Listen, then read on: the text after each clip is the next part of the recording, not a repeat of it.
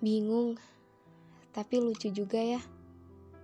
Bisa-bisanya lewat beberapa kisah yang kamu ceritakan, otomatis perasaan saya menganggap bahwa kamu sudah sepenuhnya percaya dan nyaman. Apalagi ketika kamu membutuhkan saya untuk memberikan saran. Lagi, secara tiba-tiba, deretan harap bermunculan. Kita sekedar bercanda, tapi saya melibatkan rasa.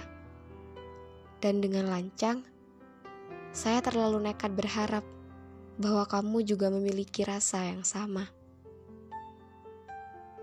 Tapi tetap saja, perlahan kebenaran yang nyata selalu menyadarkan. Ternyata bukan cuma saya, sosok yang kamu pilih untuk menampung segala keluhmu. Bukan cuma saya, seorang yang kamu cari untuk kamu ajak bercanda, sekaligus yang bisa menenangkanmu ketika pilu menggebu. Bukan hanya saya yang menemanimu sejak kelopak matamu terbuka hingga menjelang terlelap di tengah malam yang buta ternyata bukan cuma saya.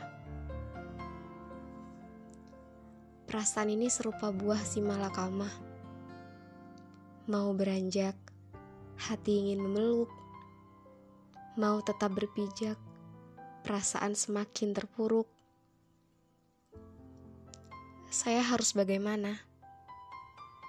Tidak ada kejelasan, tapi kamu begitu menenangkan. Tidak ada ikatan, namun kontakmu selalu masuk deret yang disematkan. Saya harus bagaimana?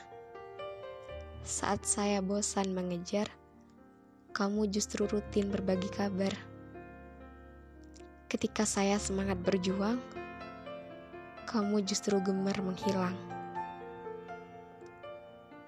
Saya berusaha maklum